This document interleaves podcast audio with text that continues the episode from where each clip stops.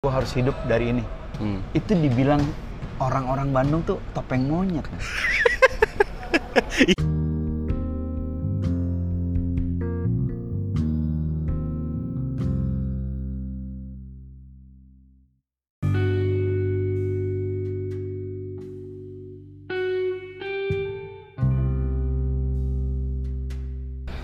Halo, welcome back to podcast anak gawang bareng gue Panda nih.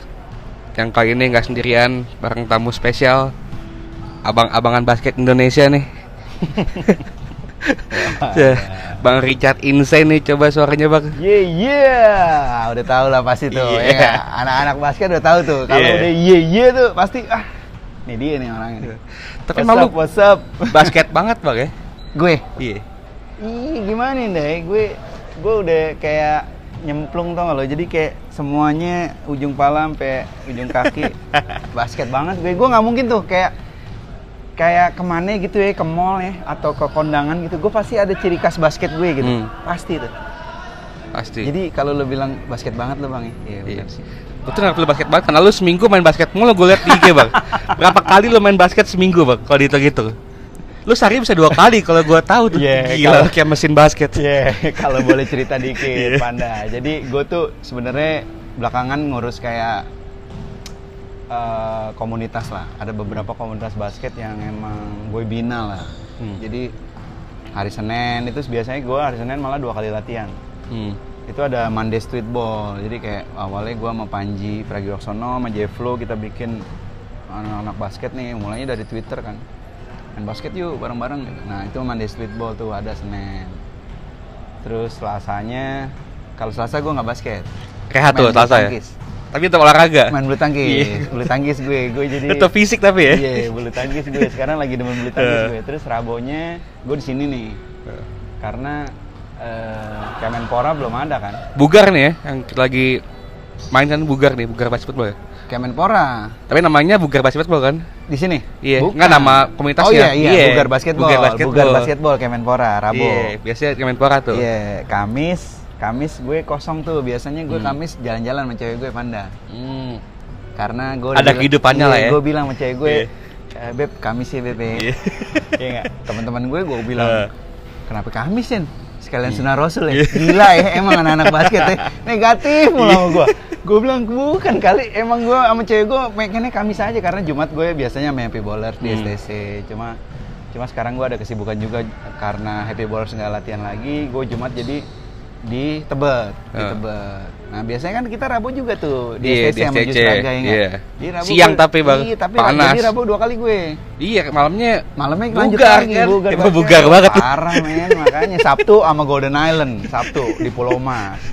Iya nggak? Iya. Minggunya gue kalau minggu gue jarang sih minggu kayaknya kalau Sabtu Minggu tuh gue biasanya suka kayak ada kalau ada job apa segala macam jadi biasanya gue lebih fleksibel lah Hmm. Gitu basket banget emang gue parah Berarti ya. emang kerjaan lu tuh basket ya? basket main Panda. basket. iya main basket gue udah telat susah tau gak lo kayak kayak Eh. mau kayak mau ngilangin basket tuh eh awal-awal pandemi tapi gue sempet loh Ya ada nggak lapangan main basket, kan? Sebulan doang sebulan gue bilang gue gue bisa nggak ya seminggu nggak main basket nih awal-awal pandemi tuh gue Hmm. inget banget dari kita mulai pandemi tuh 16 Maret kan Iya. gue inget banget 16 Maret tuh hari pertama Senin Monday Streetball nggak latihan tuh nah karena ke- besokan eh kemarinnya nyokap gue ulang tahun 15 jadi Hmm. gue inget banget pandemi itu tanggal 16 terus selang dari 16 itu ke Maret April itu gue bisa sebulan nggak main basket sampai akhirnya gue kayak merasa anjir ternyata gue bisa ya Iya. sebulan nggak main basket gitu loh Itu pertama kali tuh seumur hidup lu. seumur hidup pertama main kali basket sebulan nggak main tuh? basket sebulan gue tuh udah paling belingsatan tuh tiga hari gue udah belingsatan Eh. badan gue kayak Hmm. kayak nagih tau gak lo Hmm.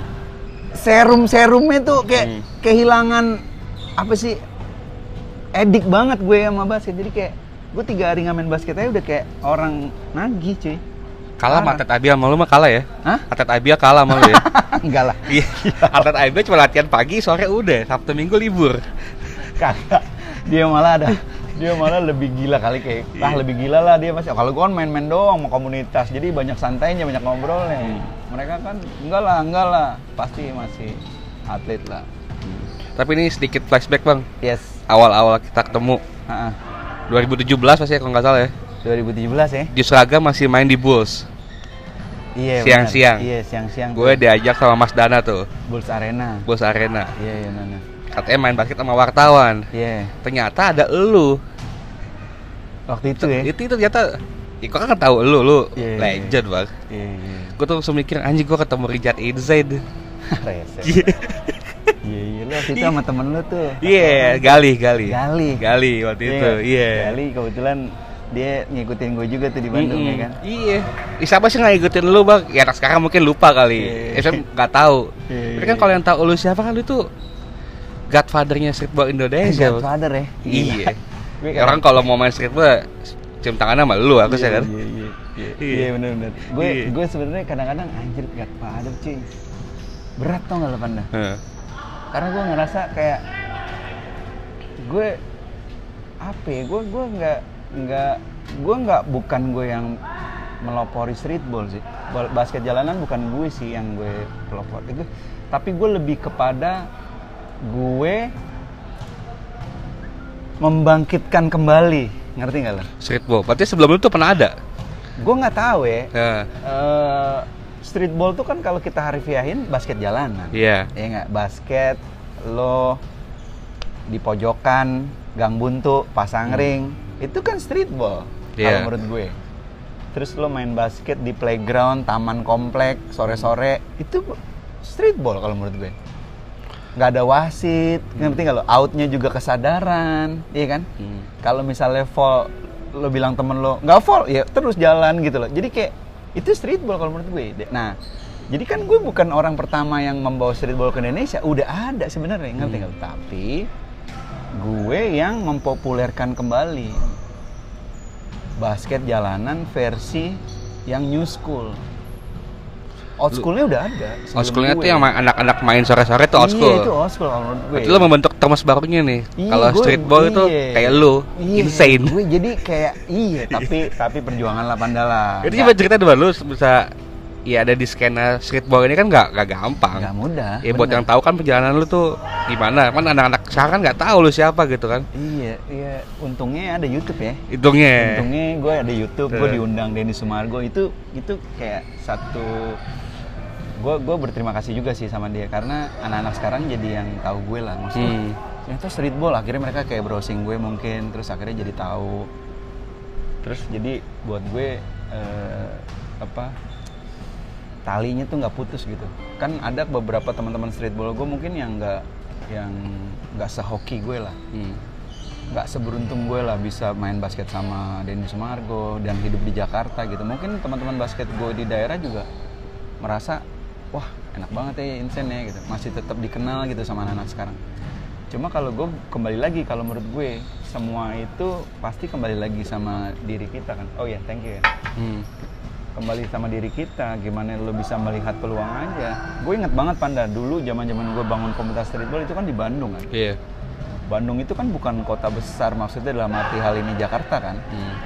basketnya gue gue bangun basket jalanan di Bandung dan ketika sekarang anak-anak daerah ngomong wah lo enak bang tinggal di Jakarta. Hello gue dulu bikin basket jalanan komunitas streetball pertama di Indonesia bareng teman-teman Future itu di Bandung loh. Kita nggak dikenal men. Hmm. tapi kan gue tahu bagaimana caranya supaya dikenal gue bilang sama teman-teman gue kita harus bikin mixtape kita harus bikin VCD kita Nah, harus itu tuh. sebarin Itu visi di legend tuh. Iya, kita harus sebarin. Masih ada nggak tuh waktu itu? Masih. Serius masih, masih Kenapa nggak lu upload di YouTube tuh Bang? Ada ada di YouTube. Ada di YouTube? Future Streetball Itu Mixtape. Ada ada. legend tuh, Bang. Ada ada itu legend. Makanya Iya. kan gue jadi gue merasa gue berhasil membuat orang-orang aware akan Hmm. basket jalanan dengan metode gue itu semakin banyak orang kopi semakin banyak lo ngebajak CD gue Iya. semakin terkenal gue dan bener akhirnya RCTI ke Bandung SCTV ke Bandung laptop si Unyil ke Bandung ngeliput sekolah streetball gue. Jadi jadi gue jadi gue kalau boleh berpesan sama teman-teman anak-anak basket di daerah jangan pernah bilang lo tinggal di daerah lo nggak bisa apa-apa. Hmm. gue bangun basket jalanan dulu di Bandung bukan di Jakarta. Kalau sekarang mah gue menikmati aja hasil apa yang udah gue tanam. Ya nggak? Hmm. nah makanya teman-teman jangan pernah kecil hati lah semangat lah apa pun yang lo lakuin di daerah itu gitu panda Nah itu awal lu tahu ini namanya streetball tuh gimana sih bang awalnya? Kalau oh, di main orang main streetball gitu. Eh, Awal-awal misalnya fu- future kebentuk lah gitu. Oh, ini gini. streetball gitu. Iya iya iya. Waktu itu gue waktu itu influen influence gue itu N1 mixtape. Hmm. Volume 3 kalau Iya. boleh gue sebut. Waktu itu ada di dalamnya itu ada hot sauce, EO, Escalate itu ya? Headache enggak, Headache eh, Escalate loh. Itu semuanya masih handle, semuanya Hmm. tuh masih yang tukang dribble lah. Terus gue ngeliat satu adegan nih si hot sauce nih kayak ngelempar bola gitu ke musuhnya di atas kepalanya. Tapi bolanya balik lagi gitu. Hmm. Dan gue baru tahu namanya itu boomerang. Jadi bolanya tuh balik lagi kayak lo ngelempar boomerang gitu. Iya. iya. Terus gue bilang, anjing bisa begitu ya? Shit man. Terus dia pick up bola gitu pakai Eh. tangannya. Bola lagi jalan di pick up. Hmm. Jeda. Gue bilang, kok bisa ya selengket itu ya? Terus dia bolanya dia gelindingin terus dia terus dia kayak catwalk gitu nama gayanya catwalk. Jadi dia dia apa ya istilahnya dia lewatin gitu pakai kakinya dia satu-satu. Gue bilang, kok basket begini ya? Terus gue tanya waktu itu, gue nontonnya di acara ulang tahun Perbasi itu yang ke-50 kalau nggak salah. Di bootnya Satria Muda. Waktu itu Ah. manajernya Simon Pasaribu. Gue tanya Bang Simon, Bang ini film apaan Bang? N1 mixtape kata dia. Hmm. Gue nggak tahu kan N1 itu. Apaan itu Bang? N1 sepatu produk dari Amerika kata dia. Kalau lo beli sepatu itu, sepatunya lo dapat Betamax ini. Masih Betamax ya? Masih Betamax. Bahkan masih belum. Betamax.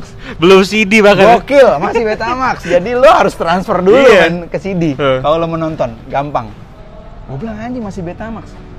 Ya udah terus akhirnya gue bilang sama Bang Simon, wah gila gimana cara dapetin ini. Nah beruntung gue punya teman-teman yang ahli ngedownload dan nyari film-film itu di Bandung. Membajak pada eranya lah itu ya. Bajak pada eranya. Iya. Dan akhirnya gue bisa dapetin lah tuh N1 Mixtape volume 1 sampai 5. Hmm. Plus film-film streetball lain yang anak-anak Jakarta dan anak-anak Indonesia belum punya. Ball Above All, Nautic. Hmm. Wih, keren-keren maksud gue.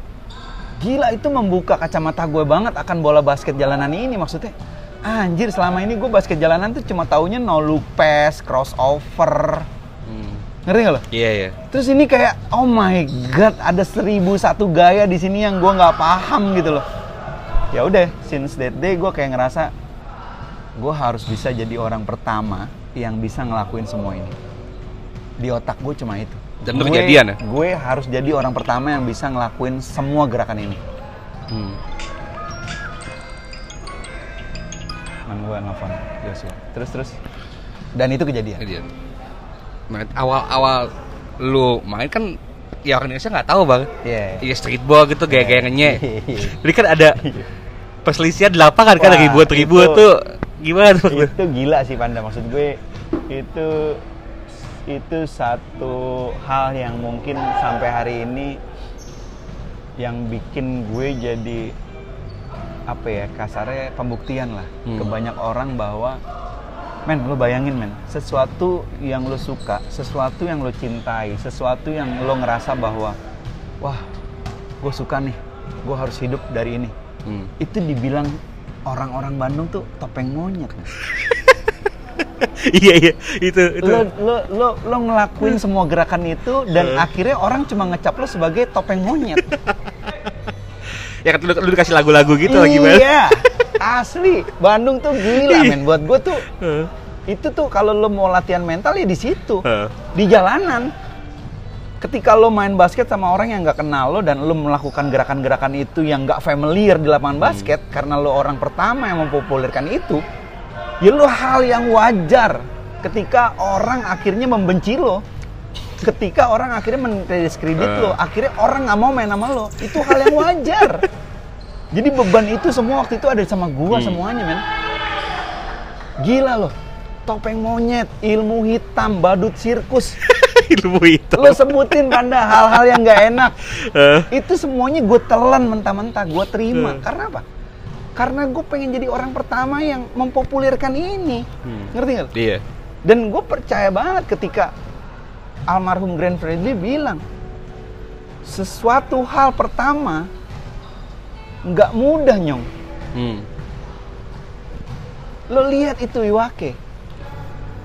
Gak mudah dia untuk membuktikan ke banyak orang untuk bahwa musik rapper diterima di Indonesia. untuk jadi yang pertama tuh memang harus begitu nyong kata Glenn Bradley almarhum ngomong gitu makanya gue bilang wah makanya kan ada satu quote dari almarhum kan ketika teman-teman di Future Streetball nulis buku buku streetball kan Iya. The Art of Indonesian Street Streetball maksud gue ya ini harus gue terima gitu anak-anak sekarang mah enak lah panda ketika lo pecicilan di lapangan basket lo ngolongin orang wah streetball streetball Iya. wah anak streetball udah enak ngerti gak lo karena karena liganya udah jalan Referensi juga banyak YouTube segala Iya, macam. Dulu Betamax. Gue, buset. Gua- kebajak bayangin, dulu. Gue bayangin, gue main basket, kerjain anak motor, tiba-tiba cewek anak motor itu ketawa, Hmm. terus anak motor itu nggak suka, karena ceweknya ketawa, gue kerjain. Akhirnya dia berantem sama ceweknya, gue bilang, bro, jangan gitulah, itu kan cewek lo.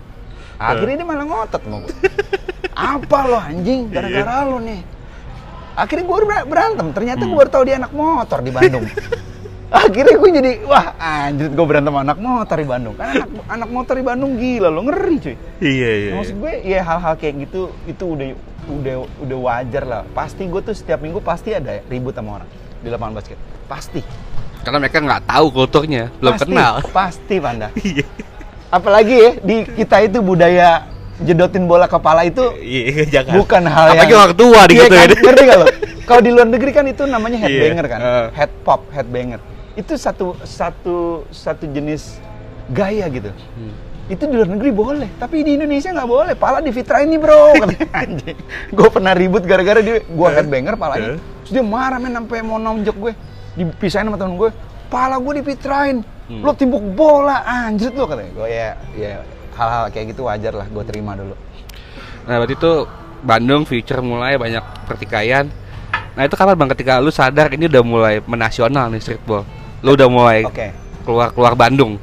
ketika gue waktu itu ditemuin, dikunjungin sama almarhum Amran Asinta. Hmm. Gue tahu beliau adalah sosok bola basket pro, legenda juga, timnas juga saat itu. Satria muda ya? Iya, luar biasa lah Amran Asinta, gue respect sama dia. Tiba-tiba dia datang cuy ke Bandung, nemuin gue. Akhirnya dia bilang, "Ah, halo Insen, saya Amran Asinta, saya punya sport agency management. Ini harus ada liganya loh. Hmm. Kamu pernah berpikir nggak kalau ini akan ada liganya? Wah, nggak pernah terpe- terbesit ke Amran, gue bilang. Kita bikin yuk. Wah, gue seneng banget. Iya. Cuma gue pikir eh, di Indonesia belum banyak nih komunitasnya ke Amran. Gak apa-apa. Kita coba aja presentasi dulu ke klien. Ya udah kita presentasi lah. Wah perjuangannya luar biasa lah. Gue dua minggu di Jakarta presentasi sama dia, ikut bawa kaset juga, bawa bawa video lah, bawa apalah yang untuk ngeyakinin klien. Pokoknya bahan-bahan yang harus gue bawa untuk ngeyakinin klien lah. Milo, terus MTV, ada beberapa brand rokok juga waktu itu. Akhirnya sampai ke akhirnya terakhir gue ke kantornya Jarum Super. Hmm. Jarum Super kayak, ah ini dia nih, cocok nih sama cocok, halo, cocok nih sama marketnya LL Lights, Oh. anak muda nih. Akhirnya disuruh jalan tiga kota. Jadi LA streetball tuh ya? Itu gue seneng banget. Gue seneng banget. Dalam arti gini. Itu 2000 2015. Eh 15. 15 ya? Wah itu seneng banget sih. Hmm. Gila loh. Lo bayangin nih. Lo main streetball. Lo bikin komunitasnya di 2012. Hmm. Gue mulai ketemu streetball 2010. Bikin komunitasnya 2012. Akhirnya gue disuruh jalanin liganya 2015. Hmm. Presentasinya tembus. Sama almarhum Amran Asinta. Ditambah yang lebih seneng lagi apa? Tahun pertama itu itu tuh ikonnya gua. Iya, iya. Balihonya gua, semua merchandise LA Streetball muka gua. Gua ngerasa itu sebuah pencapaian yang luar biasa lah buat gua. Gila men. Topeng monyet gue jadi begini. Ngerti gak lo? Iya, iya. Gue kalau boleh ngomong nih sama yang dulu ngatain gue topeng monyet, badut sirkus, ilmu hitam. Gue boleh ngomong ke mereka, guys, berkat elu yang selalu ngeremehin apa yang gue cintai, akhirnya kecintaan gue menghasilkan nih. Gue malah mau terima kasih sama mereka. Beneran, gue kalau mau bisa dihadirkan lagi tuh orang-orang itu, gue mau terima kasih, gue mau bilang orang, berkat lo guys, kalau lo waktu itu nggak ngomong begini, mungkin nggak akan ada nih. Mungkin nggak sebesar ini streetball. Mungkin gue nggak bakal dibilang godfather. Mungkin nggak pernah ada tuh istilah godfather untuk gue gitu dari orang-orang. Makanya gue mau terima kasih sama mereka. Nah makanya dari situ akhirnya kita jalan. Nah ketika lo tanya kapan mulai nasional itu men. 2015 ya? 2015 sih sebelumnya memang VCD-nya udah booming. Hmm. orang-orang udah kayak wah gila nih anak-anak Bandung nih ternyata. Nah sampai akhirnya mungkin VCD itu nyampe ke almarhum sama Iya. Amran Asinta kan. Dan Amran yang kayak melihat wah ini ada segi bisnisnya nih. Hmm. beliau lagi kan orang orang bisnis juga kan. Wah ada segi bisnisnya nih. Wah asik nih. Nah ya udah akhirnya kita jalan tiga kota. Gue jadi ikonnya booming semua orang jadi main streetball komunitasnya tumbuh. 2016 gue diangkat jadi juri streetball pertama karena konsepnya waktu itu udah berubah ada point breaker ketika lo ngelakuin gerakan terus musuhnya ketipu lo dapat angka nah jadi harus dinilai sama juri dan kata IO nya dan kata orang jarum super yang pantas untuk duduk di kursi juri saat itu ya gue Di siapa lagi lo kalau bukan lo? Nah makanya, ya, makanya banyak orang kayak banyak orang kayak sekarang tuh kayak ya mungkin mungkin nggak tahu sejarahnya kan. Eh. Nah makanya ini gue ceritain gitu. Itu yang zaman-zaman lo ketemu Iverson tuh ya? Belum, Belum, Iverson 2013. Iverson dulu Masih jauh, masih jauh, masih sangat jauh. Karena waktu itu kan gue sempat kerja juga di majalah basket kan. Slam? 2007 ya. 2006 gue juri, Hah? terus gue nggak boleh lanjut tuh 2007-nya karena gue ada masalah juga Hmm. sama orang jarumnya. Terus 2007 gue kerja di majalah Slam. Kebetulan sahabat gue si Joshua Iskandar Prawiro, bokapnya beli franchise-nya Slam lah. Hmm. Akhirnya gue kerja di situ marketing. Tahun pertama, tahun kedua promosi, tahun ketiga redaksi. Nah jadi jadi tiga tahun itu gue kayak menghilang gitu dari dunia streetball. Streetball. Karena gue kerja, tapi gue bikin komunitas juga di Jakarta. Sampai akhirnya gue comeback main streetball lagi gara-gara Iverson datang 2013 karena gue ngerasa lo punya idola dan lo pe- pengen dong jaga idola Iya. lo satu lapangan sama idola lo gue ya gue sebenarnya bisa aja 2013 misalnya bin- minta minta apa akses card gitu Hmm. akses VIP atau apa gitu dari Mbak Nani mungkin Mbak Nani juga pasti ngasih lah. Cuma kan buat apa kan? Gue duduk doang di panggung gitu. Iya. Ngerti nggak? tapi gue karena gue ngidolain dia dan gue ngerasa dia Tuhan gue gitu ya gue harus jaga dia nih. Dan gue harus ngobrol gue harus punya foto. Ya udah gue lakuin apa pun cara supaya gue kepilih All Star. Jadi gue bener-bener nggak mau cuma kepilih doang karena nama besar emang gue pengen main dan gue pengen kepilih All Star Dan masih bisa kan? dan masih bisa dan Anthony Gunawan waktu itu jurinya bilang Eh. Insen masih cepat, Insen masih susah dijaga. Hmm. Ada kok tulisannya di LA Streetball dan Insen masih bisa lah bersaing sama anak-anak muda ini.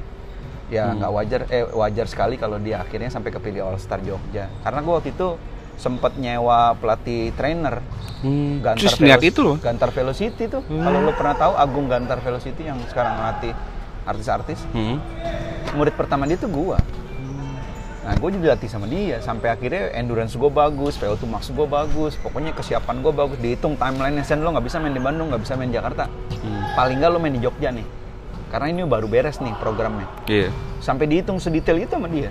Akhirnya gue main di Jogja, bener gue kepilih All Star. Akhirnya gue terbang ke Jak- eh, gue main di Jakarta buat Grand Final, dan gue kepilih lagi di All Star Grand Final itu. Dan gue main main basket dan gue satu satu lapangan sama Iverson. Iverson Hmm. musuh gue. Dan gue jaga dia. Kebetulan banget itu dia nanya ke gue Panda. Ah. Yo, man, what's the rule of the game? Hmm. Dia bilang. Terus gue jelasin kan, gue jelasin pakai bahasa Inggris. Terakhir gue bilang, hey AI, can I take picture with, uh, can I take a real quick picture with you? Yeah, sure man. I, I got my photographer over there, gue bilang. Terus gue kayak, gue bawa fotografer gitu, Huh? temen gue si Dave. Terus akhirnya di foto, tak tak tak tak tak tak, dapet dia lagi senyum. Dan gue satu-satunya streetballer yang foto sama dia, dia lagi senyum. Period. That's it. Now set. And I'm proud of it. Dan gue bangga karena Uh. itu. Iya lah, gue satu-satunya, men. Ya makanya pajang di IG foto Gue di IG lu. pasang, gue pasang, gue gak mau tahu. Semua orang harus tahu. Anak basket harus tahu hashtag. Iya, iya. Dan setelah streetball segala macam kan lu Hmm. punya quote yang menurut gua keren banget gua. Yang bola basket membawa lu ke mana? Hmm. Eh, dulu gue bawa bola basket ke mana-mana. Iya. Sekarang basket semua Sekarang gua. bola basket bawa gue yang ke mana Hmm. Itu filosofis banget kan tuh.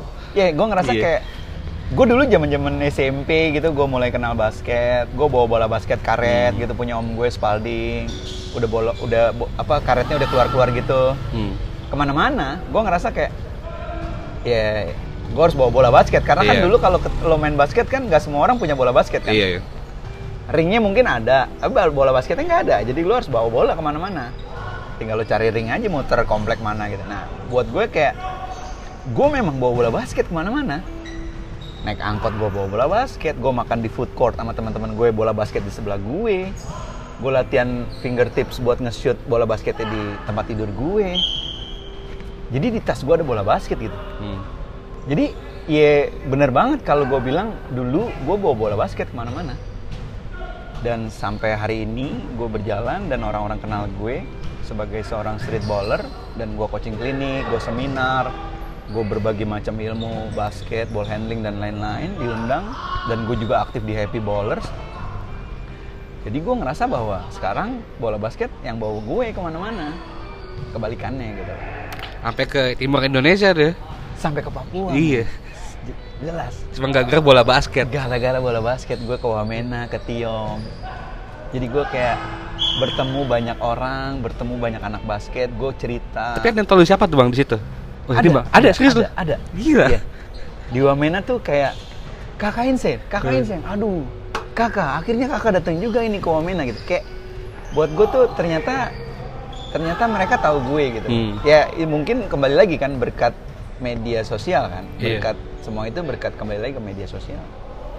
Oke, ini setelah tadi bola basket lu ke mana-mana, sekarang lu punya alas kaki yang ngebawa lu ke mana-mana juga tuh bang tuh.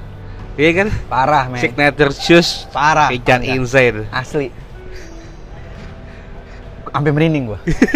gua kalau ngomongin signature shoes Eh. Chef Insane gue tuh selalu kayak apa ya? Ngerti nggak sih Panda lo lo pasti kan pernah lah lo beli sepatu Hmm. sepatunya misalnya Kobe Bryant lo Iya. pakai. Lo beli sepatu bola, sepatu bolanya Cristiano Ronaldo misalnya Hmm. Lo beli sepatu bulu tangkis, sepatu bulu tangkisnya si eh Shoes tadi. bukan Lawas si- banget. Taufik Is- Tau- Tau- Taufik Hidayat. Hidayat misalnya. Eh. Iya nggak? Iya. Jadi kayak kayak lo punya sepatu yang menggambarkan lo banget gitu. Hmm. Nah, gue sebenarnya kalau berbicara Lick sama gue nih, Lick Iya. and Richard Insing, awal gue kenal Lick tuh zaman gue 2004 Hmm. Lama juga bang ya? 2004 itu gue masuk tim freestyle basket Indonesia. Hmm. Waktu itu dimanajeri oleh Jul Herudin, Bang Hmm. Ijul. Kalau lo kalau lo pernah kenal Hmm. yang ada kantin di Bulls Arena tuh, Hmm. dia yang mengelola Bulls Arena. Oh. Bul- Bul- itu Jul Herudin. Nah, beliau yang memanaj jadi manajer di tim freestyle basket Indonesia. 2013 waktu itu disponsorin sama Nike. Dua, eh sorry, bukan 2013, 2003. 2001 sampai 2003 sponsor mereka adalah Nike. Waktu itu kan Nike freestyle kan booming tuh. Ya, yang musiknya ding ding ding ding ding ding cit cit yang gitulah Hmm. pokoknya pokoknya booming lah. Nah, terus 2004 eh, Bang Ijul si Nike freestyle ini dikontrak nih sama Lik. Lik waktu itu baru masuk ke Indonesia. Mau kontrak tim ini. Kita roadshow, kita tour bareng Starma Crashbone 2004 ke 8 kota kalau nggak salah. Nah akhirnya pertemuan pertama gue tuh sama Lik 2004.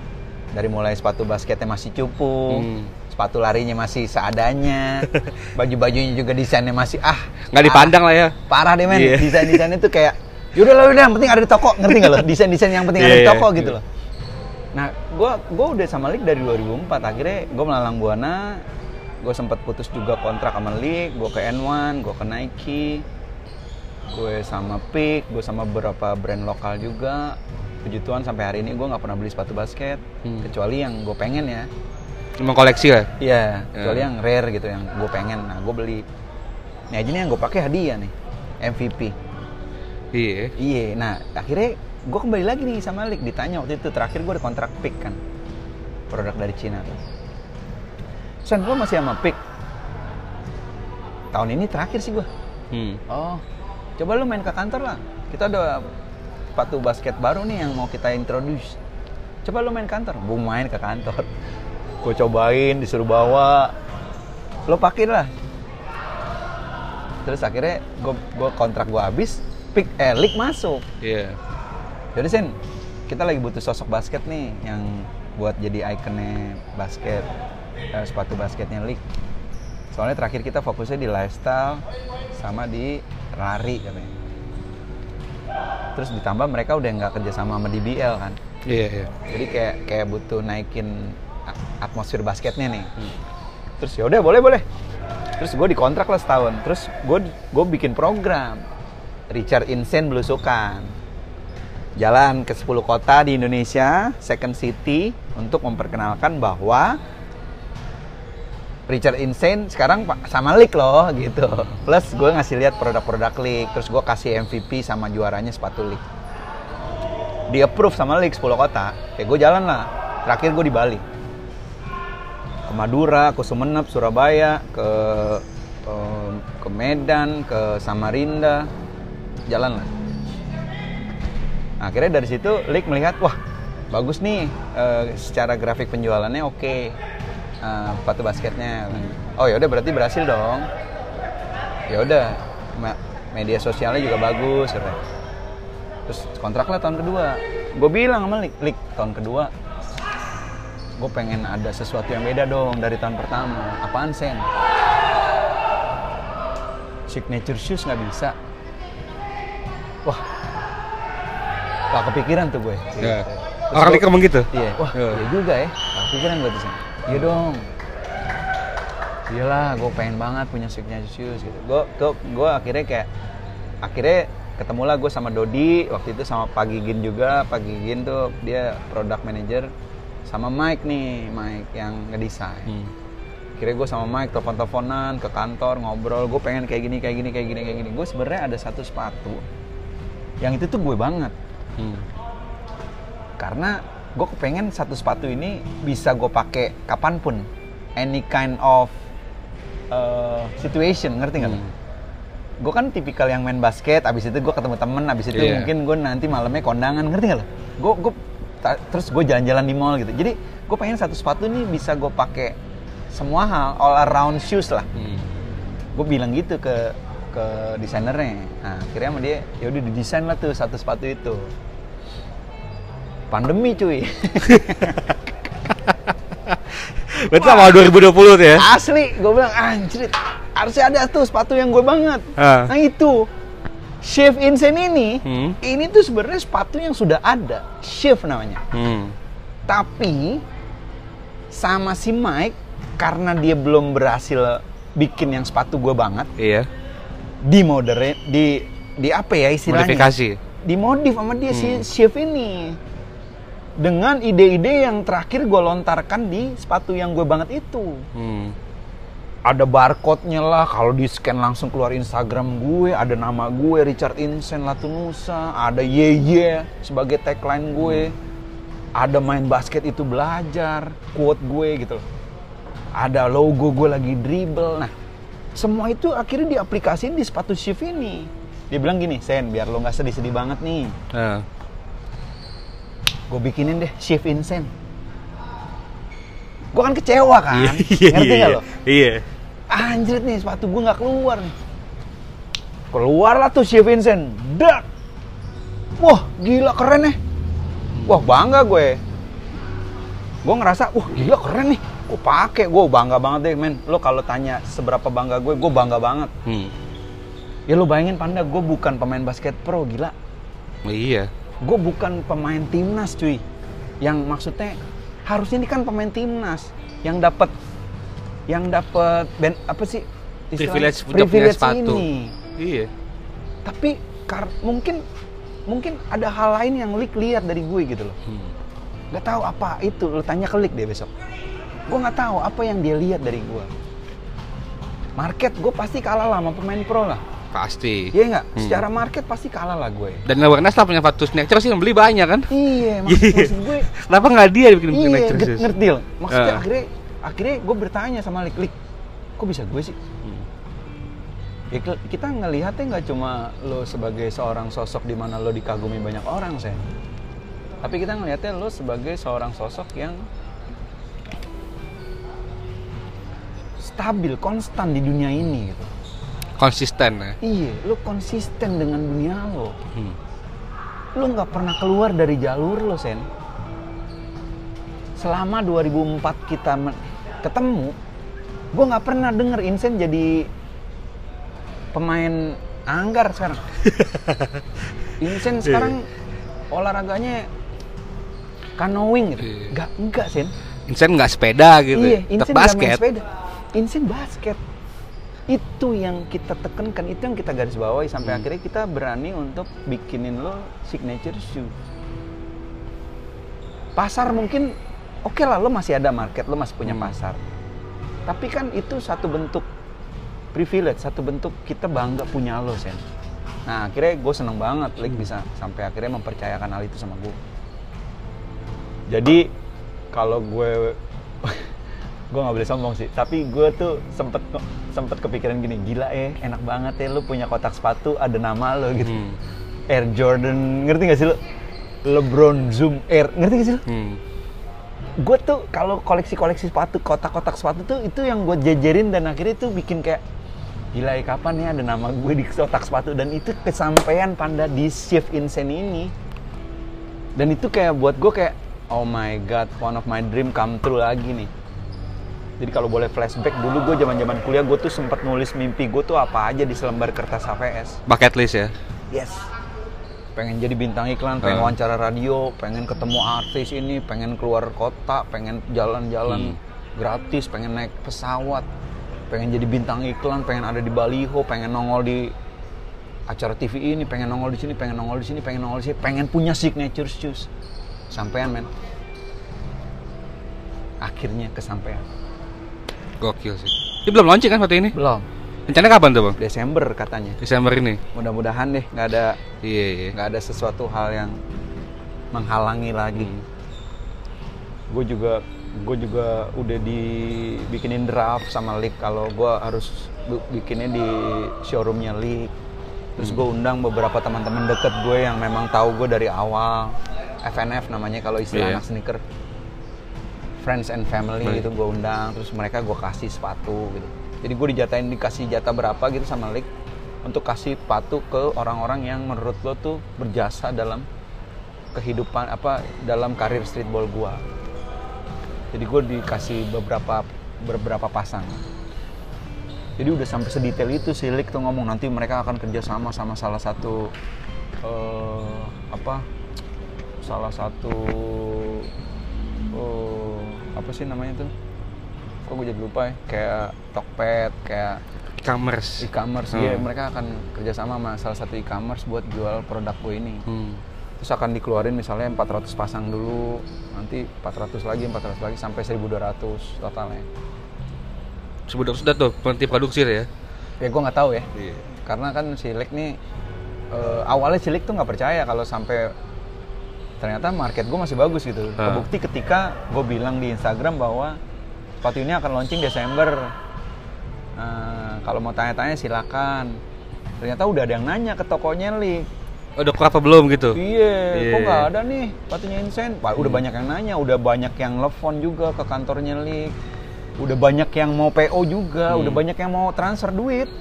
Sama nih tip size. Iya. Nah itu sebenarnya yang kekhawatiran gue ketika sepatunya dikit, demandnya tinggi. Nanti resell bisa jadi keuntungan buat reseller nih. Kakak jadi main-mainin ya? Iya ngerti nggak lo? Iya, iya. Tadinya misalnya cuma 849 ribu, dibeli, terus banyak yang mau, barangnya nggak ada, tiba-tiba jadi 2 juta setengah. Ngerti nggak? Ngerti. Iya nggak? Ya kayak kompas, satu kompas. Iya, makanya gue bilang. Dan gue sebenarnya nggak mau kayak gitu, Panda. Gue Eh. pengen semua pihak, semua orang, semua orang yang kenal gue, yang tahu perjuangan gue dalam membangun streetball, bisa ngerasain eh, sepatu ini itu gitu loh. Gue sebenarnya pengennya itu. Gue nggak kepengen orang jadi susah untuk dapetin sepatu gue. Gue pengen malah dengan mudah orang tuh kayak, ya gue pengen beli dong sen sepatu lo. Panji Pragiwaksono udah bilang I have to chop. Hmm. Ujo Project Pop udah bilang sen gue mau beli satu UPI Tuan 13 gue harus dapet sen karena Upi dulu kan Streetballer juga dia kan? streetballer juga dan Iya. dia juga sempet datang dari Jakarta ke Bandung cuma menonton gue latihan si Oh, Upi iya. tuh naik motor dulu jadi Upi juga pengen pengen pengen punya gitu jadi ada beberapa teman-teman selebriti yang public figure yang udah udah udah pengen juga Daniel Wena sampai DM gue kak gue harus punya nih sepatu signature lo nih Gila, Daniel Kak." Wenas ya. Daniel yang superstar Wenas, basket Indonesia ya. Daniel Timothy Wenas. Asli. Dia bilang gue kak gue harus punya sih kak sepatu signature shoe lo, lo gokil kak. Kata. I'm proud of you kak kata. Eh, jadi maksud gue ketika tadi gue bilang sama lo gue bukan siapa-siapa dan ternyata mereka appreciate dengan apa yang gue lakukan di dunia streetball gitu Hmm. dan itu itu suatu kebanggaan besar buat gue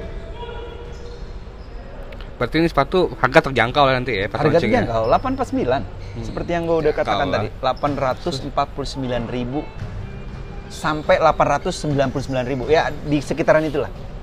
Nggak nyampe sejuta. Nggak nyampe lah ya. nggak nyampe. Nggak boleh. Iyalah. Harus merakyat. iyalah. Iya, iya, dong iya, ya iya. kan? Harus merakyat dong. Dia beli Jordan 2 juta bisa bisa beli sepatu Insen 800 ribu. Iya dong Masa Jordan boleh dibeli? iya dong Iya. sekali sekali lah pakai sepatu Richard Insane lah ya nggak Hmm. anak bangsa loh ini Iya, karena main basket tuh belajar. main basket itu belajar panda bener Itu gue suka banget tuh kuat yang di sol sepatu gitu. Iya, main basket Iya. dulu. Gue ngerasa gini, Panda. Kayak segala hal yang gue temuin di lapangan basket tuh bikin eh, ada pelajaran berharga lah yang gue dapet. Ngerti nggak? Hmm. Kayak kayak boleh cerita dulu, gue pernah ngekos di Bandung.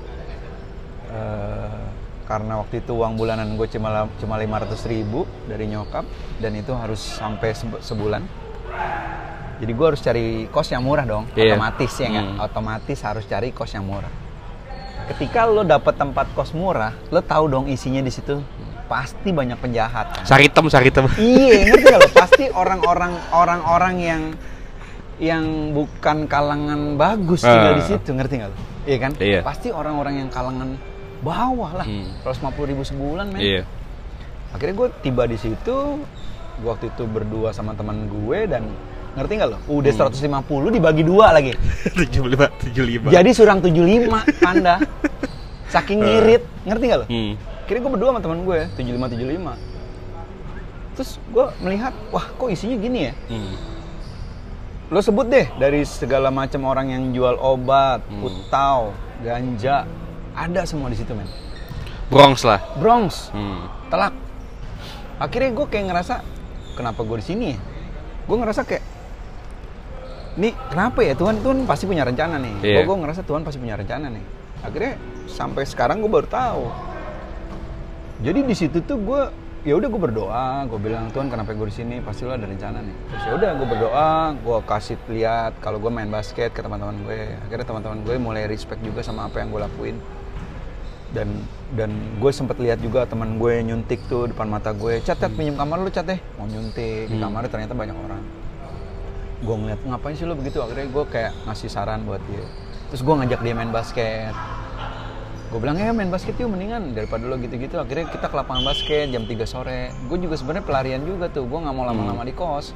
Iya, iya. jadi pulang kuliah istirahat bentar lapangan basket dribble dribble nah itu juga yang akhirnya bikin dribble gue jadi bagus. Karena gue main basket anak-anak jam 4 datang gue jam 2 di lapangan. Dribble sendirian. dribble dribble sendiri orang gila. Karena gue nggak mau di kosan ngerti nggak lo? Hmm. terus akhirnya gue selamatin tuh teman-teman gue tuh. Ada 5 sampai 6 orang kalau nggak salah.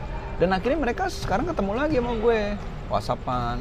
Ada yang udah jadi pegawai PNS kerja di kapal desainer. Nah yang nggak gue selamatin itu ada yang udah meninggal ternyata Pasti sih daerah itu ya. Overdosis, di penjara. Hmm. ngerti nggak lo Iya, iya. gue gue jadi ngerasa oh Tuhan punya rencana nih ternyata. Kenapa gue di sini? Nah makanya gue langsung kayak bikin quote lah. Main basket itu belajar. Belajar menjadi terang di tempat yang gelap. Kayak gitu-gitu panda. Cakep.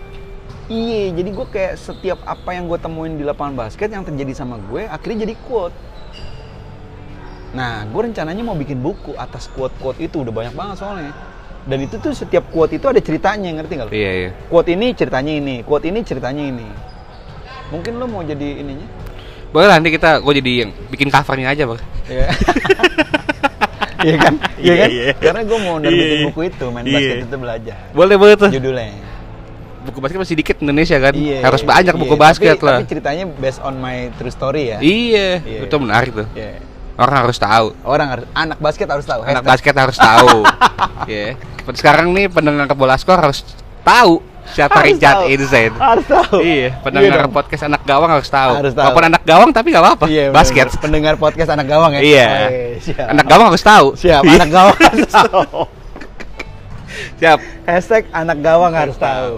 Siap. Nih Bang Ihsan mau main basket lagi seperti biasa. Jadi kita pamitan dulu aja.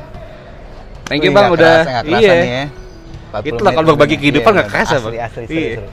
Gue emang ngagumi lu banget lah pokoknya. Iya. Thank you banget. Sampai Panda. ke mana pun gue kejar pokoknya. Thank you Panda ya. Iya. Akhirnya gue bisa ngobrol nih sama lo. Iya. Seneng sih gue bisa berbagi gini. Mudah-mudahan anak gawang uh, bisa memetik sesuatu yang baik ya. Pasti pasti ini. harus ya. Thank you Bang. Thank you Panda. Sehat-sehat selalu dan ditunggu nih. Lik Shift Insane rilis. Steve Vincent. Bola pasti bakal naikin. Pasti, gua kabarin Panda. Siap. Thank you, Bang. Thank, Thank you, thank you.